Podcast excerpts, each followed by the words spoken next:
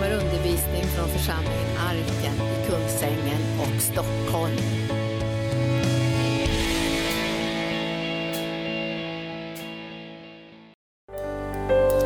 Ja, vi tillber dig Jesus. Jesus, du betyder allt för oss Jesus. Det du har gjort på Golgata, det är liksom, du är, all, du är alfa och omega, du är trons upphovsman och fullkomnare Herre. Fader, vi är så tacksamma att du sände Jesus. Vi är så tacksamma för frälsningsplanen Herre. Vi är så tacksamma att du all, la allt i din son Jesus. Och genom honom så har vi blivit välsignade med all den himmelska världens andliga välsignelse Herre. Vi är så tacksamma till dig Herre. Gud Fader, vi vill bara upphöja dig Fader. Vi är så tacksamma för den här planen Herre som du hade. Vi är så tacksamma för frälsningen i din son Jesus Kristus. Halleluja! Tack Fader, tack Fader, tack Fader. Halleluja! Och Fader nu tackar vi dig för att ordet ska gå ut Herre. Tack Gud, vi bara ber om en uppenbarelse Herre. Ber om att du ska komma och smörja våra ögon så vi kan se Herre. Jag ber om det i Jesu namn. Amen. Halleluja. Tack ska ni ha lovsångare. Halleluja, det är underbart att lyfta upp Jesus. Så här, han, av och till så, så säger vi att Jesus är allt, liksom och så. men det är verkligen så att hela, hela vår tro bygger på Jesus. Det bygger på vad han har gjort. Det bygger på att han, han liksom tog det här steget frivilligt för att, att komma hit ner till jorden och bli människa. Och sen ta vår plats och så att vi skulle kunna få det här nya livet. Vi är ju, Bibeln talar om att vi är nya skapningar, skapelser. Alltså vi är, vi är födda på nytt. Vi är liksom ett nytt släkte, Gud, vi är en, vi är en ny typ människor. Efter att alltså Jesus det står att han är den förstefödde. Och, och, och du kan säga att vi är, Guds tanke och idé var att vi skulle vara precis så som honom. Så det, när, han, när han gick här nere så var, var han på något sätt uttrycks... Eh, han uttryckte hur en människa, en sann människa ska leva. Och det står i Romarbrevet 8 att, att, vi, att liksom han, Gud hade tänkt att han bara skulle vara den förstefödde bland många bröder och systrar. Alltså att, eh, så Jesus gav oss, gav oss en modell på hur, hur du och jag är kallade egentligen till att leva. Eh, Idag så tänkte jag att jag skulle tala lite grann om eh, hur välsignade du och jag är. Eh, av och till så, så, så, så, blir man blindad eller man, liksom, man, man ser inte riktigt hur välsignad man är. Och jag kommer ihåg, jag hörde en berättelse om det var en man som ägde en eh, ett, ett lite, i Norge kallar vi det småbruk, alltså en liten gård med lite skog och, liksom, och han, han tyckte han hade ingenting. Åh, det var så dåligt. Och han, så till slut så, så tänkte han ah, jag ska sälja. Jag ska sälja. För det här, det här, är, inget, det här är ingenting av. Och så fick han en taxman som heter i Norge då, till att komma och, och, och det, gör, det de gör då är att de då beskriver ju då egendomen. Och så, och så fick han han till att komma då och så och så skrev den här taxmannen ner allt vad han hade på den här egendomen. Och, liksom. och så när den här mannen som ägde detta började läsa det här så tänkte han, åh, oj. Och så till blev han helt fascinerad av att allt det han hade. På något sätt så hade han, ja det händer av och till för att man blir, vi kallar det också hemmablind eller man liksom man ser inte riktigt vad det är man har för någonting. Och du förstår att det här är, det här är, ett, det här är ett problem. Alltså när det, vi har ju en berättelse i, i Lukas, det femtonde kapitel om den, eh, vi, vi, vi pratar ofta om den bortkomne sonen, alltså han som lämnar hemmet. Men eh, han hade ju ett sitt problem. Men den hemmavarande sonen, han hade ett annat problem. Du kan säga man skulle tänka sig att ja, men han var den som han, han gjorde rätt. Liksom. Men i den här berättelsen i Lukas 15 så, så får vi ju, förstår vi att han hade lika stort problem han som var hemma. Alltså det, berättelsen är väldigt kort så här att det som händer är att den ena sonen han säger jag vill ha mitt arv. För jag vill inte vara här, jag vill, jag vill ha mitt arv och jag vill åka härifrån. Och, och, så står det att fadern han tog och delade arvet mellan de två. Alltså, så han gav, de, de var arvingar båda två, de fick varsin del av arvet. Och den ena han for iväg och eh, det står att han slösade bort alltihopa. Men den andra, han, han var hemma hos pappa. Och jag vet inte riktigt hur han fick det till liksom på, på det här sättet. Men alltså, han, var, han var hemma hos pappa och fortsatte som, kan du säga, som en, eh, på lik linje med de tjänarna som var i huset. Alltså han, han på, på något sätt så missade han att han hade just blivit tilldelat arvet. Alltså jag, jag tänkte, hur, hur är det möjligt? Alltså pappan hade ju där först stått och delat till den ena sonen och han tog sitt och åkte iväg och den andra han fick ju då det som var kvar. Och så, och så dagen efter så fortsatte han att tänka att han, att han var som en av tjänarna. Han var, alltså han, han, på något sätt, han missade att han var arvingen nu. Att pappa nu hade satt honom he, över hela, hela arvet. Och eh, det här kom ju inte fram då i berättelsen för helt på slutet. När då, när då den andra sonen kommer hem, han som har varit borta och slösat han som har eh, liksom slösat bort hela arvet, så kommer han hem och han är ju så, och så då är den här hemmavarande sonen, han är så sur och grinig. För där har han gått och slitit och jobbat och liksom och gjort allt han kunde och så, och så säger han till pappan liksom där liksom så här att och du har inte ens ställt i ordning en fest för mina, mina vänner. Alltså, och pappan han liksom, han, vad är det du säger? Och så säger ju eh, han det här kända ordet. Eh, han säger så här att, men min son, du är ju alltid hos mig. Allt mitt är ditt. Alltså du, har du, inte, har du, fattar du inte det? Fattar du inte det att i det, i det att du du fick din del av det, så fick du hela grejen. Du kunde ha haft fest varje kväll sen han åkte.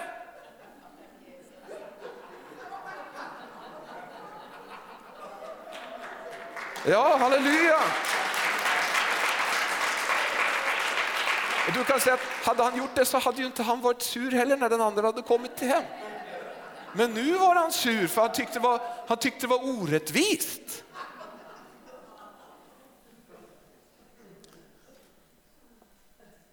Så av och till så, så, så kan man sitta mitt kan du säga, i välsignelsen och vara välsignad. Och gnälla, precis. Man gnäller. Man gnäller för att man inte ser det. Och du kan säga att det är, det är liksom... Ja. Men... Alltså vi, vi har blivit arvingar. Och på ett sätt så har, alltså det här ordet som, som vi, vi ser här med, alltså det här som jag läste att allt mitt är ditt. Det, det är, också ett, det är också ett uttryck eh, som Gud använder kan du säga, när det gäller en annan eh, sanning i bibelordet som, som har med det att Gud är, Gud är en förbundsgud. Alltså du kan säga att Gud han Gud han tänker förbund. Alltså han, han, eh, i, I Guds grundtanke kan du säga så, så har han liksom en tanke av förbund. Alltså han, och vi kan se det här i historien. Det han gör är att han, han, utväljer, han utväljer Abraham och, och ingår förbund med Abraham. Och men, men det som är, det som är liksom sån intressant att se när Gud ingår förbund med Abraham att det verkar inte som om det här liksom med förbund är något nytt för Abraham. Det, var, det verkar inte som liksom Abraham plötsligt blev, liksom, han blev, han, han blev, åh vilken nyhet! att det där med förbund, det verkar som Abraham, han visste vad ett förbund var. Alltså det, det verkar som på den tiden där så visste alla vad, vad ett förbund handlade om. Det var liksom, idag så är det inte så vanligt att man liksom ingår förbund. Vi har ju, vi har ju någon typ av förbund som, som land ingår med varandra. Bland annat NATO är ju ett sånt typ av försvarsförbund eller en försvarspakt. Men idag så är det inte, så vanligt att privatpersoner liksom ingår eh, så här liksom förbund med varandra. Men på den tiden så var det, det var, det var väldigt vanligt. Det var väldigt vanligt att, att, att man, man hittade någon, kan du säga, en annan stam eller en annan eh, som kunde komplettera en och som kunde, Eh, alltså att man kopplade ihop med någon som gjorde att man, man blev man blev stark. Alltså, och tanken i det, i, som ligger i här, den här förbundstanken är ju att det är två förbundspartners kan du säga. Som, som överlåter sig till varandra. Och då i, i, i, i bibelordet så talas, talas det ju ofta om, eller det som det talas om där är det vi kallar blodsförbund. Alltså man gjorde det på riktigt. Det var, det var, förbundet var ingen lek. Det var på riktigt. Det, det gällt liv och död. Och eh, eh, det finns ju eh, Sten Nilsson har skrivit en, en, väldigt bra bok om det här och han, han säger i den boken där att eh, det var några som eh, Mr Stanley och, och Dr Livingstone, de levde i Afrika. De hade sin tjänst där och de, de hade aldrig hört där att, att, man hade, att det var någon som hade brutit ett sånt här förbund. Det var, det var liksom så heligt och viktigt. Och det, som, det som var poänget med, med det här förbundet och det är också på något sätt som Gud, som Gud använder i Alltså det verkar ju på något sätt som om det här förbundet var lagt ner i människan. Alltså tanken om det här förbundet var lagt ned från liksom ursprunglig tid. Men så använder Gud det här när han ingår ett förbund med Abraham. Då, då på, på något sätt ger Gud sig själv helt och hållet till Abraham som, och ingår ett förbund med honom. Och du kan säga, man kan tänka sig att, men vadå? Lilla Abraham ingår ett sånt förbund med Gud. Men alltså, eh, Ja, Gud och hans vägar. Alltså, Gud han valde det och ingå ett förbund med en människa. Eh, tanken i, i, i, förbundet var ju då eh, att, att de fullständigt överlät varandra. Det var det man gjorde när man ingick ett sånt här blodsförbund. Det var ju att man, liksom, man sa till den andra så här att allt mitt är ditt.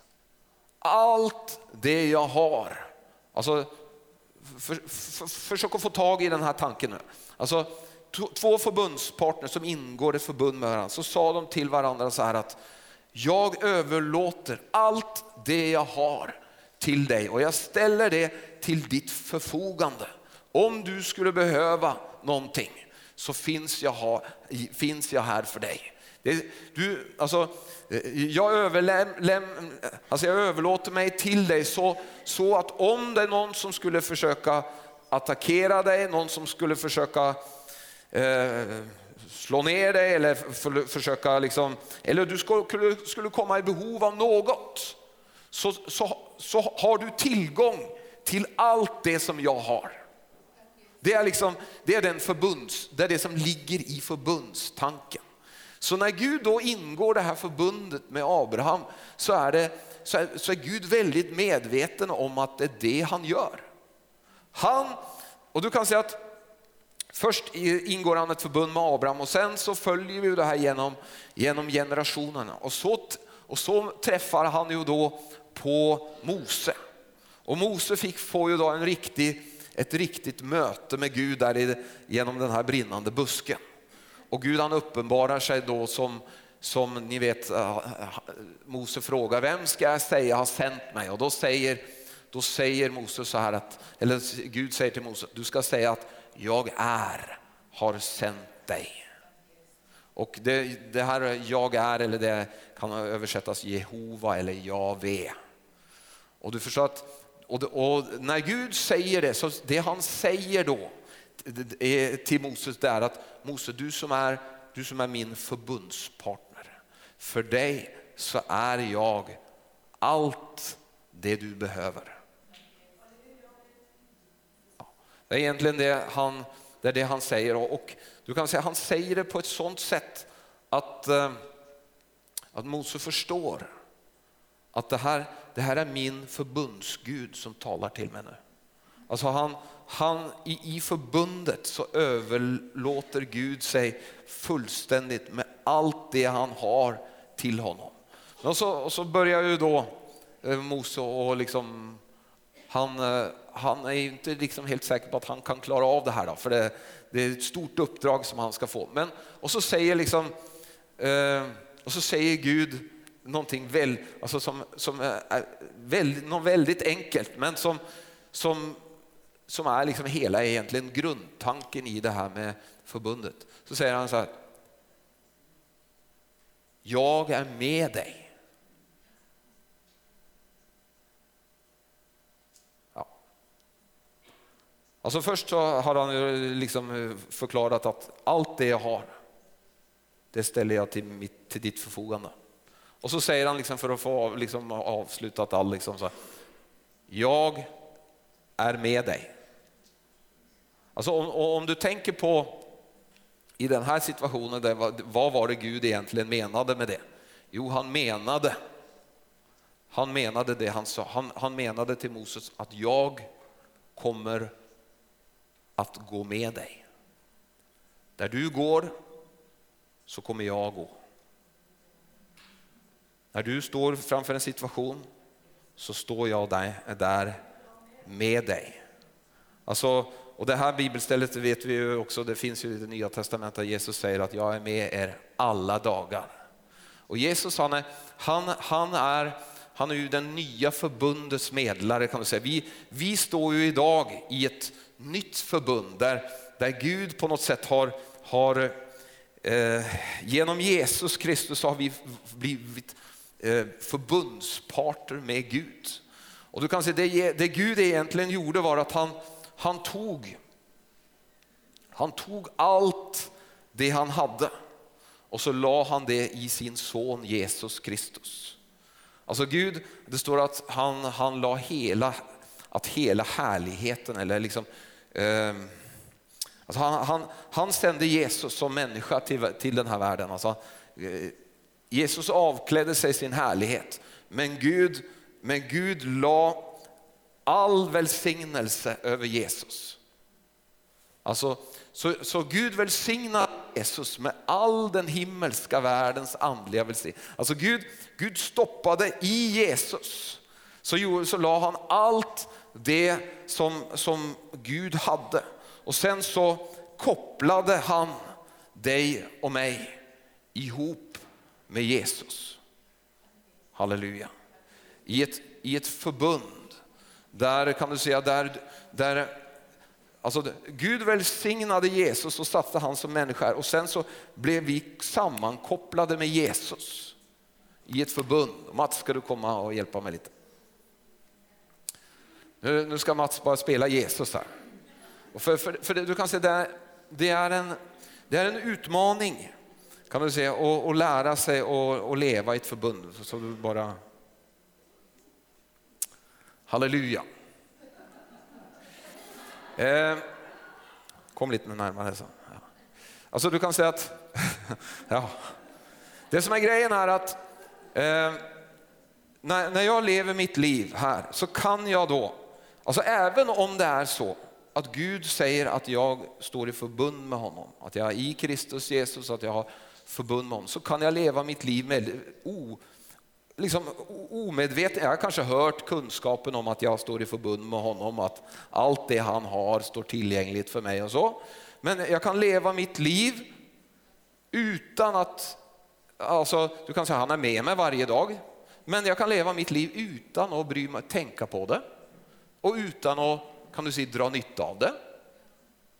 Och du kan säga att egentligen så har jag då, som kristen så har jag eh, den, en expert med mig i allt. Alltså, Jesus han är, han är full av visdom, han är full av styrka, han är full av kraft, han är, han är rättfärdig, han är, alltså han, är, han är allt det som jag egentligen behöver. Men ofta så, så, så blir man omedveten. Du får hänga på lite mer här. Du, du, du får vara nära. Ja, riktigt. Eh, men du kan säga den här situationen är det många kristna som lever i. Alltså de har med sig han. Han vet allt, han kan allt, han har all kraft, han har all styrka, han har energi, han har helande, han har allt det, det som jag behöver. Men ändå så kan du se, alltså Gud har gjort det så att det är jag som bestämmer om jag ska göra nytta av det han har. Alltså, så, så, så, därför är det möjligt att leva som den här sonen hemmavarande sonen. Alltså det är möjligt att leva mitt i välsignelse och vara med välsignad med allt det som behövs och ändå inte njuta av någonting av det. Men det som, det som man kan göra då, och det är ju det att jag kan ju börja och, och kan du säga, alltså när man, när man blir medveten om denna kunskapen, att jag är ett med honom och att han ställer allt det han har till mitt förfogande. Då kan man ju, alltså jag brukar undervisa om det här på bibelsen, då kan man börja leva ett annat liv. Du kan, du kan plötsligt, alltså när den, när den här går upp för en så kan man börja våga leva ett helt annat liv. Man kan, och du kan se att en del kristna de, de tänker ju så här liksom att nej, nu måste jag leva så försiktigt så att jag aldrig skulle komma i det läget att jag skulle behöva hjälp från honom. Alltså av, av till, alltså det, är, det är helt, alltså ni kan skratta av det nu. Men många, många tänker så, man lever så säkert. Man tar, man tar inga risker, man, man lever alltså fullständigt så att, man all, att, att Gud aldrig ska få möjlighet till att visa sig. Och så, och så tänker man samtidigt att, att det är väldigt andligt.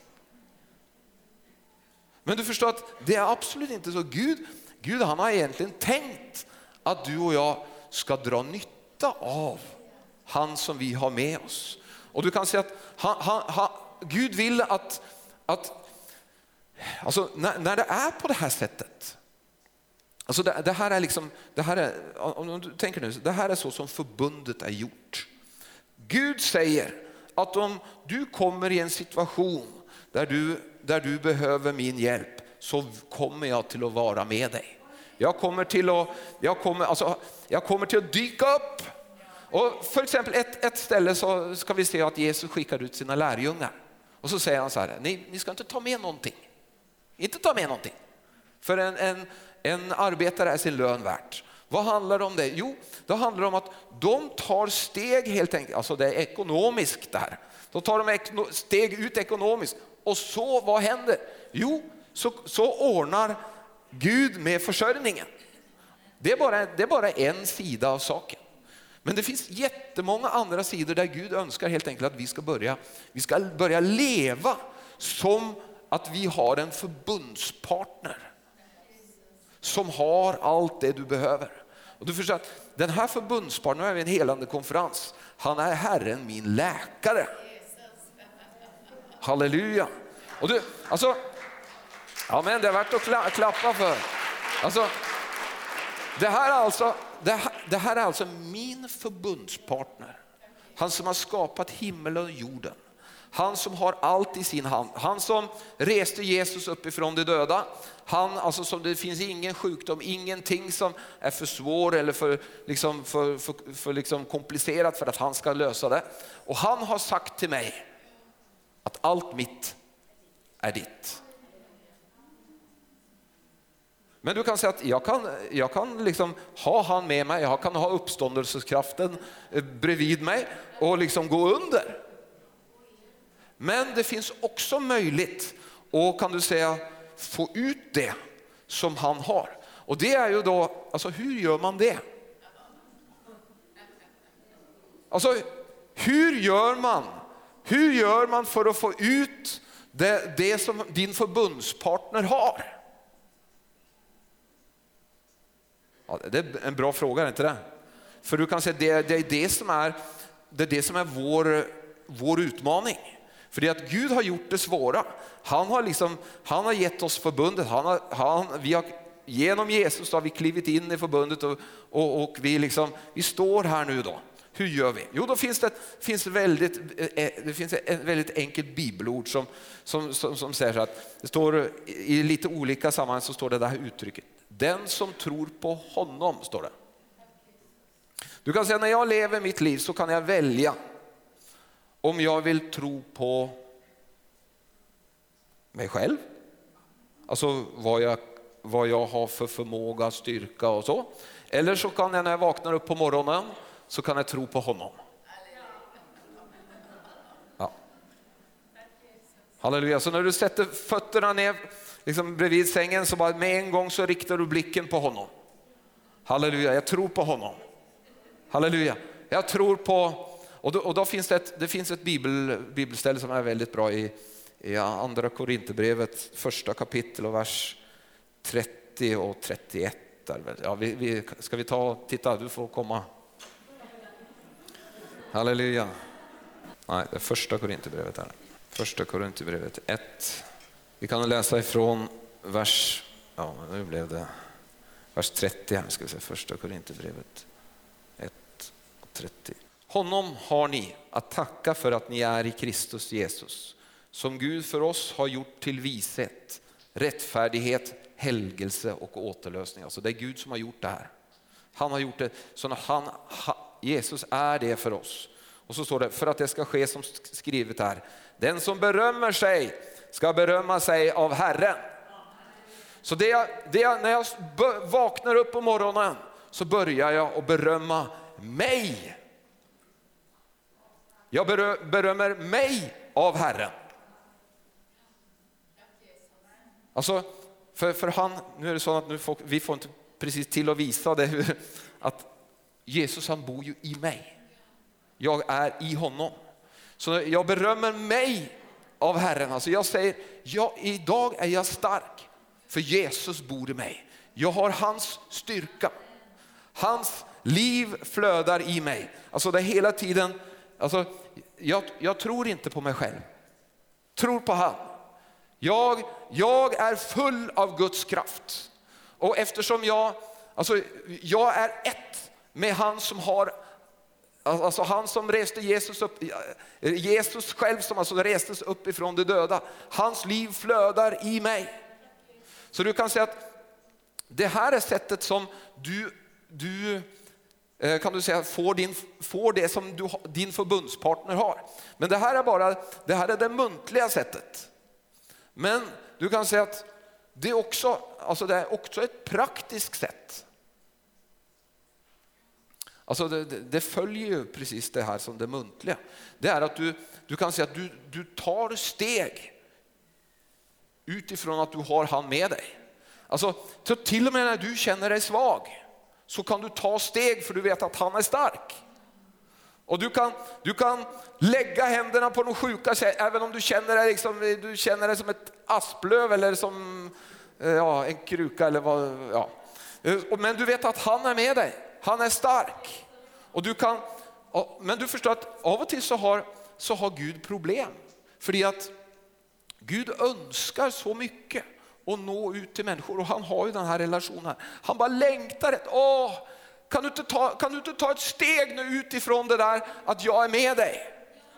Kan du, kan du inte göra någonting så att, och du kan säga det Gud också önskar, att han önskar ju att uppenbara sig. Han önskar att visa sig. Och du kan säga det bästa, man kan, det, det bästa egentligen då är att det står Paulus säger att man upp, genom min svaghet så är jag stark. Alltså, det är genom, ofta genom vår svaghet som Gud kan visa sig stark. Varför då? Jo, för då blir vi beroende av honom. Där du är stark, där de områdena är väldigt ofta sådana att man, man inte får den, liksom, får, får den hjälpen. Men om, vi, om, vi, om han, han går med mig här nu. Det som, Det som jag kan göra nu är att, alltså om du, om du tänker, du vet, eh, om man, nu, Birgitta har haft många barn och hon har berättat att hon har haft något av barnen som har varit väldigt så här, som, som har liksom alltid liksom gått helt ut till gränserna och provat på allt och klättrat i träd och allt. Men du, vet du vad sådana barn gör? Det gör att, det gör att han som är med dig må, måste, måste agera hela tiden. Och du, du, kan säga att Gud vill att du som kristen ska vara en sån där som hela, hela tiden så ställer du dig i situationer så han må komma och rädda dig. Alltså, alltså egentligen så skulle vi tänka så här att nej men, nej men vad dumt. Du, nu, vad säger du Torbjörn nu? Ska vi inte vara fina liksom i kanterna? Så? Men då får ju Gud aldrig visa sig. Alltså eh, det, det som händer när du och jag, alltså när du och jag är frimodiga. Jag tror jag kan tacka för hjälpen nu. Amen. Ja. Jag kommer ihåg, jag tror jag har berättat det för er också, att jag kommer ihåg en gång jag var i Indien. Och, eh, och eh, en morgon där när vi skulle gå ut och vi åkte ut till byarna och predikade evangeliet. Och en, en morgon där så kände jag bara Gud sa till mig, Torbjörn idag ska du vara riktigt frimodig. Jag tänkte, jaha, vad betyder det för någonting? Så, men när, kom, när, vi kom ut där så förstod jag lite vad, vad som var grejen. För vi försökte liksom att samla folk, men det var ingen, var ingen som var intresserad. Liksom. Vi, vi, men så, så tänkte jag, nej nu, nu kör jag på. Och så sa jag att Jesus är här för att bota, sa jag. Kom så får ni se Jesus bota. Ja. Alltså, det jag gjorde var att jag, jag klev ut.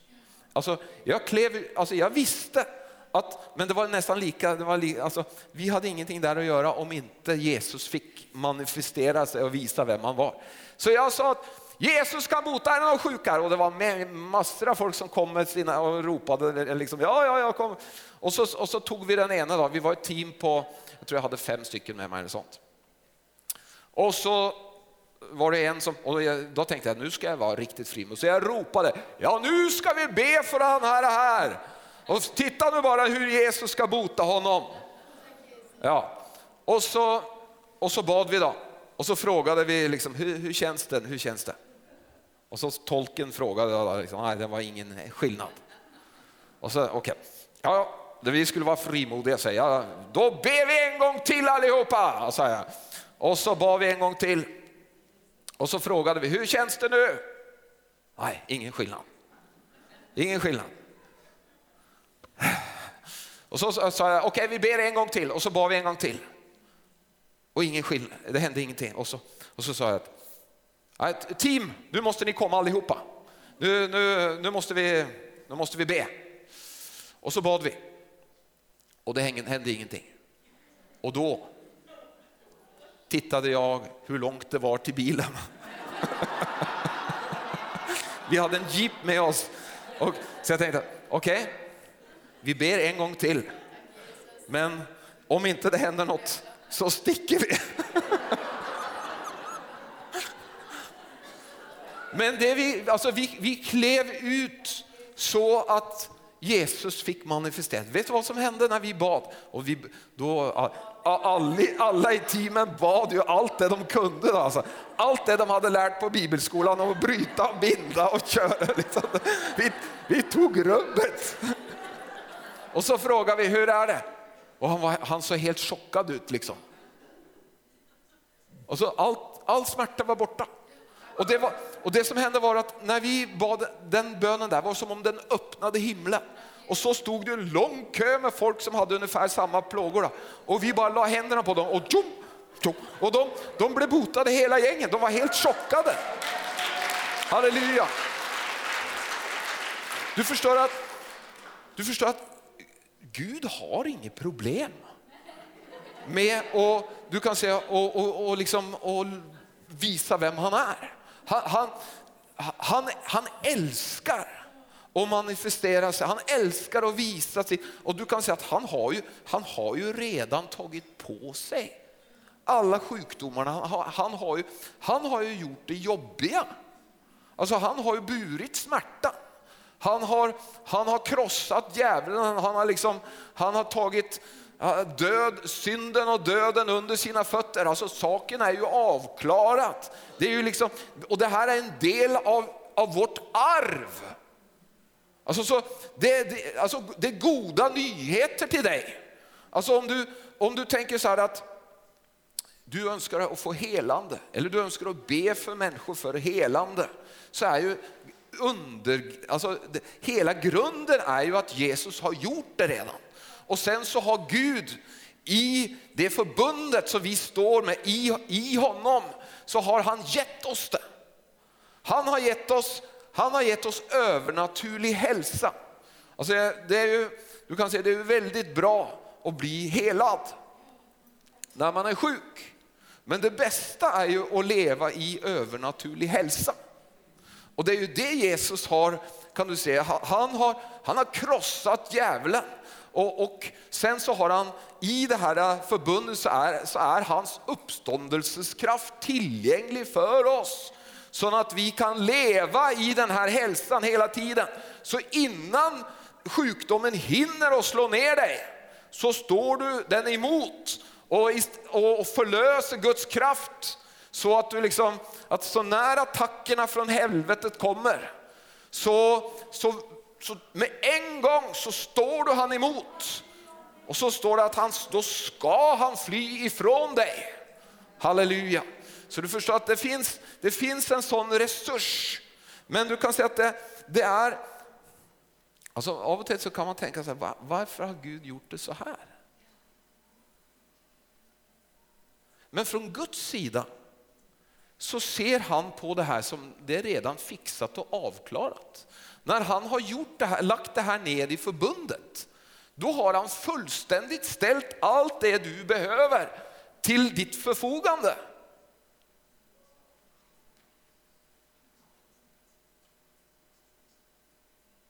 Kan du se det? Alltså, det är viktigt att du förstår liksom just den här förbundstanken. Att, att om två stycken har gått in förbund med varandra och den ena har någonting som den andra behöver, då är det inte så att, att den ena kommer till den andra och frågar, skulle du kunna hjälpa mig? För jag behöver din hjälp nu. Och så tänker den andra igenom det. Ja, jag ska tänka igenom det för det. Alltså hela, hela tanken med förbundet är att det man ställer till varandras förfogande, det är tillgängligt och det, du kan säga att tanke, tankegrejen är färdig. Så, så när förbundet är ingått så är det bara det vissa mekanismer som löser ut att den andra hjälper till. Det finns ett sånt här väldigt klassiskt eh, exempel i det gamla testamentet på en sån här, eh, alltså, ni vet kung Josafat i andra krönikeboken 20 kapitel. Där står det om kung Josafat och han får besked ifrån Eh, ryktena går om att det kommer en stor här emot Israel. Och han, han samlar alla ihop till bön och fasta, för att det här är liksom, han blir rädd står det. Och han, han riktigt liksom, de ber och de, de riktigt ropar till Gud och så ropar de till Gud så här och så säger du Gud som, som var vår fader Abrahams, alltså de, de nämner Abrahams förbundet. Alltså de, de, eh, de var ju, ah, de var ju alltså, eh, hela folket var ju, kan du säga, stod i förbund med Gud genom, genom Abrahams förbundet. Så de nämner för Gud, Gud du som, du som, då, eh, in, du som var Abrahams vän, alltså hans förbundspartner och så står vi här nu och så påminner de Gud om det här förbundet. Och då står det, då kom en profet i församlingen och så började han tala och så sa han så här, den här, den här striden som ni, ni står inför, den, den ska jag ta hand om. Ni ska bara stå och se på hur jag ska vinna seger.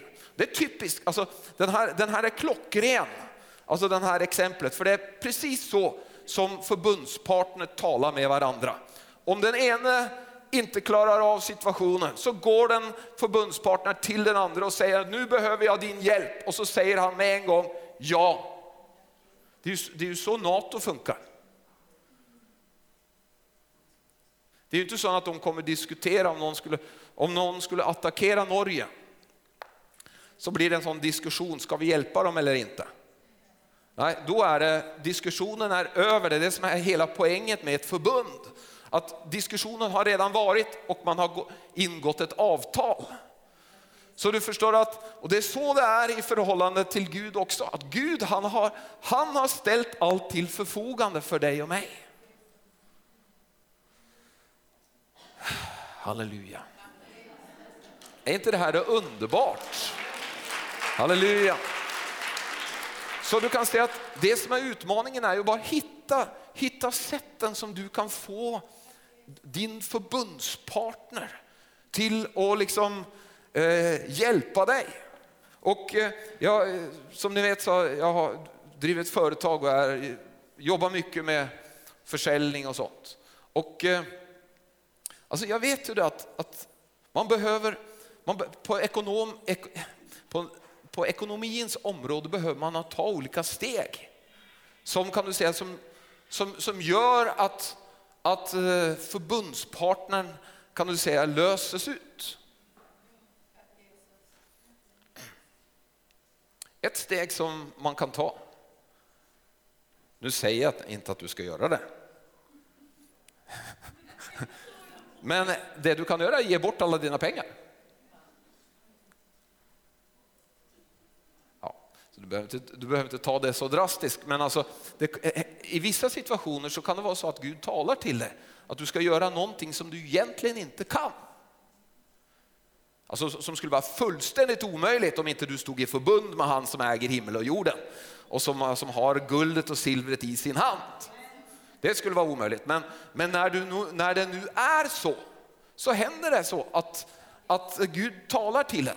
Men det är också så faktiskt att, att man, det, det, det, det, är, det är det här som är det spännande. Ja, lyssna nu. Jag trodde att det var så här tidigare, att, att det, maximala det maximala som du kunde liksom få ut av ett kristet liv, det var om du gjorde allt det som Gud sa till dig. Hör du vad jag säger? Jag trodde, jag trodde att det var så. Och det är klart att det är en väldigt välsignelse att vara lydig när Gud talar och så gör du det han säger till dig. Det är en väldig välsignelse. Det, det, det, det bringar alltid välsignelse när du är lydig och handlar på det. Och så tänkte jag att det var liksom maximalt det du kunde. Men du förstår att då har du liksom sett helt bort ifrån den tanken att du står i förbund med Gud. För förbundstanken, i den förbundstanken så handlar det om att Gud redan har gjort någonting. Gud har redan uttalat någonting. Det finns ett villkor så det betyder att du faktiskt med vilka steg du själv tar kan hämta ut det som Gud har tillgängligt utan att han speciellt talar till dig om att du ska göra någonting. Alltså att du kan, du, du kan helt enkelt, eh, om du tänker att du är som den här sonen nu hemma, hemmavarande son, du, har, du ser att du har, du har inte tagit ut någonting av arvet. Och det var ju det som var problemet med den hemmavarande sonen. Han satt ju och väntade på att pappan skulle komma och säga till honom att ikväll kan väl du köra en fest. Det var det som var problemet. Alltså han förstod inte att faktiskt Gud hade välsignat honom så mycket att han kunde hämta ut det här. Och du förstår att jag, jag tror att, du, att Gud önskar att du och jag ska, vi ska börja leva så att vi hela tiden hämtar ut vad han har för oss. Och Bibeln undervisar om att, det, fin, att det, är möjligt att be trons bön. Och trons bön handlar ju om lite att, att, att man ser, alltså du kan säga trons bön är egentligen den man kan man säga, använder i förbundet. Att man vet att det är någonting som är efter Guds vilja, man vet att det är någonting som är tillgängligt, man vet att det här, det här är min arvedel, det här tillhör mig, alltså det här kan jag hämta ut. Trons bön är en sån här så du kan, du kan liksom, du, du behöver liksom inte ha en speciell uppenbarelse från Gud för att, liksom, att du ska gå och hämta ut det som han har redan gett dig. Alltså trons bön det är, det, är en, det är en sak som du kan använda på alla områden där du, där du känner Guds vilja. Och nu har vi hört mycket om helande den här helgen och vi vet, som pastor Linda sa igår var det att hon vet att det här med helande, Gud vill hela alla. Och det här, det här är en arvedel till varenda kristen. Alltså det finns ingen som, alltså hade det varit så så hade Jesus säkert reserverat sig någonting så hade det stått liksom att ja, det finns några, det finns några problem, de tar jag inte. Men allt det andra tar jag. Det är liksom, nej han tog alla. alla. Det var våra sjukdomar och våra smärtor han bar. Han tog alltihopa. Så det är tillgängligt för dig och mig. Och du förstår att eh, i Jakobs brev 1 och 5 så står det, eh, ska vi ta och läsa det. Nu ska vi börja och planera inför eh, avslutning här med, med sån den här eh, tunnel. Eh, men då, jag tänkte vi ska göra det på ett speciellt sätt idag. Så att, ska vi ta i Jakobs brev kapitel 1 och vers 5. För det, det är viktigt också att man, att man förstår det här. Det står så här, om någon av er brister i visdom så ska han be till Gud som ger åt alla villigt och utan förebråelser och han ska få det. Men han ska be i tro utan att tvivla. Ty den som tvivlar liknar havets våg som drivs och piskas av vinden. En sådan människa skall inte tänka att hon kan få något av Herren. Alltså det finns, det finns en typ av bön som man måste be för att få tag i det som Gud vill att du ska ha. Jag trodde, jag brukar säga så här, att jag trodde tidigare, innan jag fick, liksom, fick se det här, att det inte var möjligt att komma i den här situationen som Jakob beskriver här i vers 1 och 5. Alltså, för det, alltså det, om, om ni lägger märke till det så, det så, så, kan ni se att det är en speciell situation som, är upp, som finns här. Och det är alltså, han, han säger så här, om någon av er brister i visdom så skall han be till Gud som ger åt alla villigt och utan förebråelser och han skall få den. Här står det att det är möjligt att sakna någonting som Gud vill att du ska ha.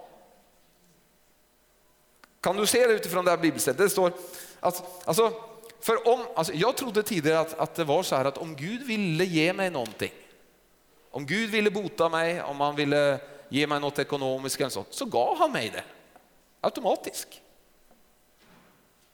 Men så läste jag det här och så står det att, för här, här står det att om, om du brister i visdom och ber till Gud, då ska han villigt ge det utan förebråelse.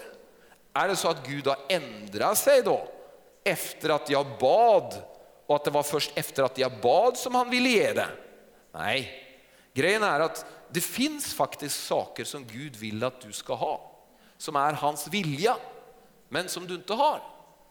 Och då förklarar bibelordet här, hur ska du få det som du inte har, men som Gud vill att du ska ha? Jo, du ska be trons bön.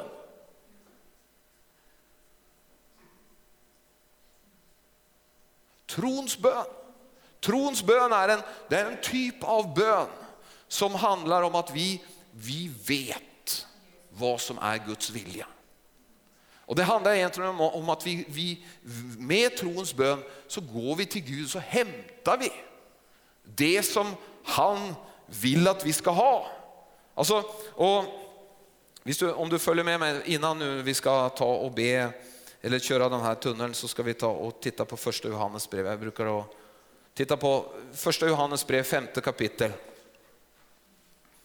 Alltså det är jätteviktigt att få, få, få det här klart. Här alltså för, för, för många,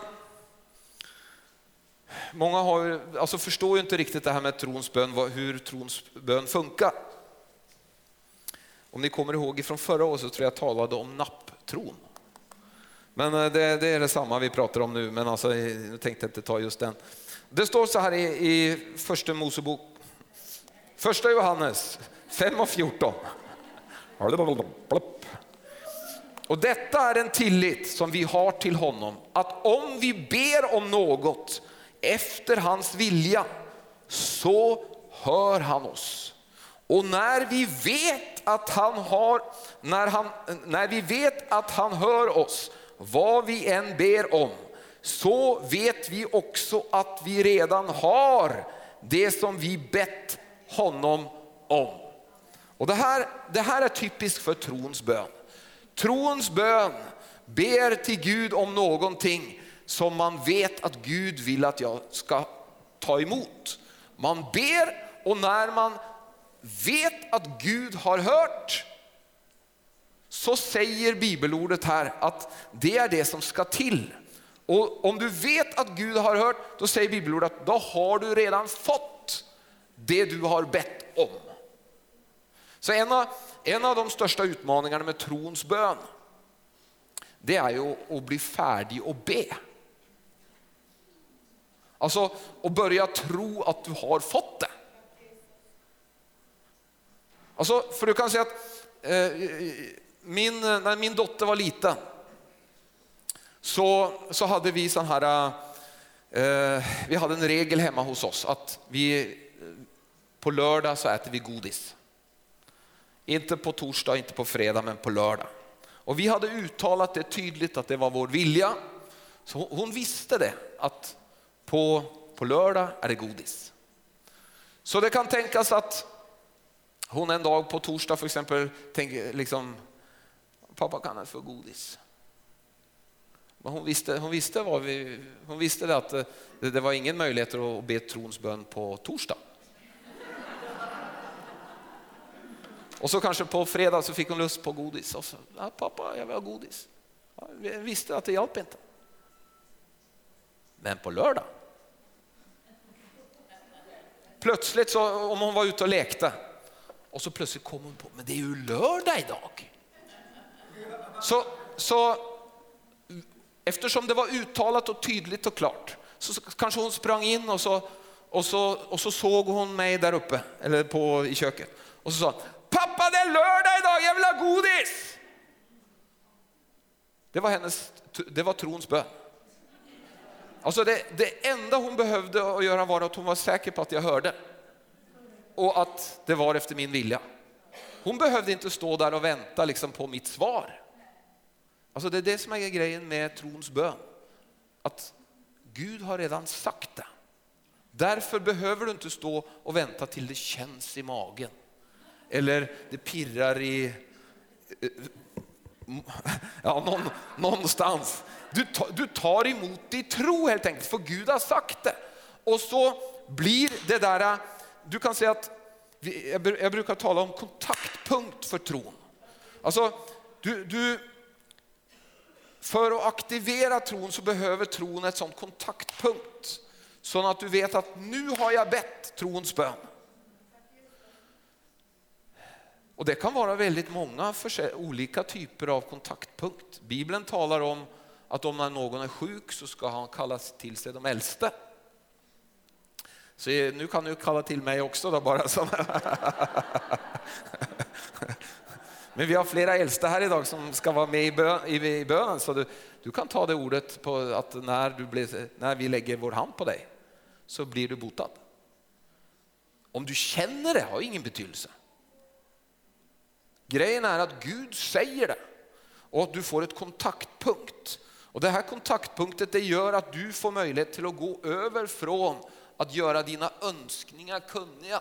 Och ofta så även också de här områden där vi vet Guds vilja, så på något sätt är det av och till svårt att komma över från liksom, åh Gud, jag behöver, jag, hela mig nu. Liksom.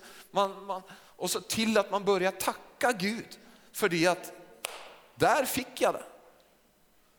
Och det, jag tänkte att vi skulle göra så att eh, den första rundan idag genom tunneln ska vara en sån här äh, där där du kan eh, nu är, nu är ju det här en helande konferens så vi, jag tänkte vi skulle fokusera på det men om du inte har någonting som du behöver bli helad från så kan du ta någonting annat som Gud vill att du ska ha helt enkelt. Du vet bara att det här behovet har jag och jag vet att det här, det här är någonting som om jag ber trons bön så kommer Gud till att ge mig det.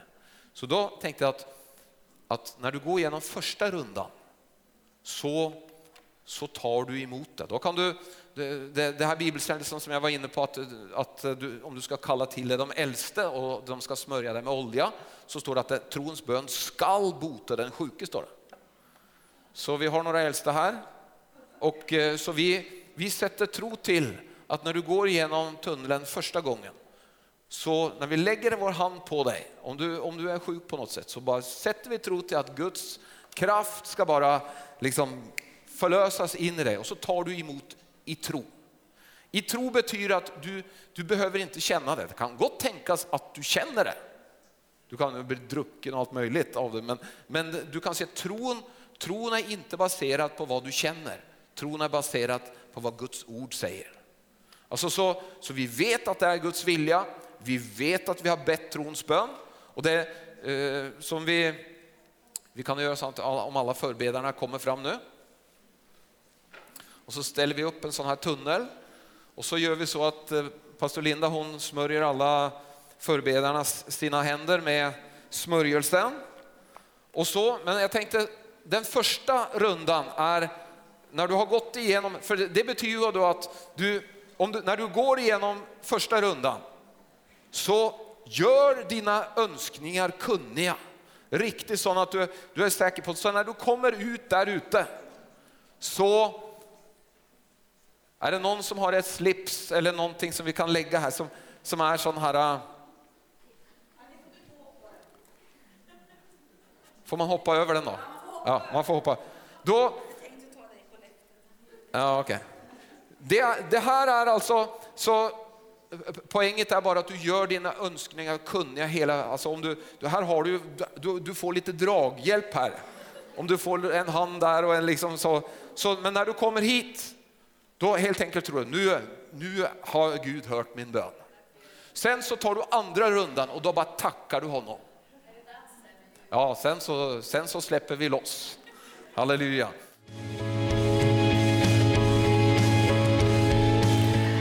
För att du har lyssnat. Vill du få del av mer information om församlingen Arken, vår helande tjänst, bibelskola och övriga arbete, gå in på www.arken.org.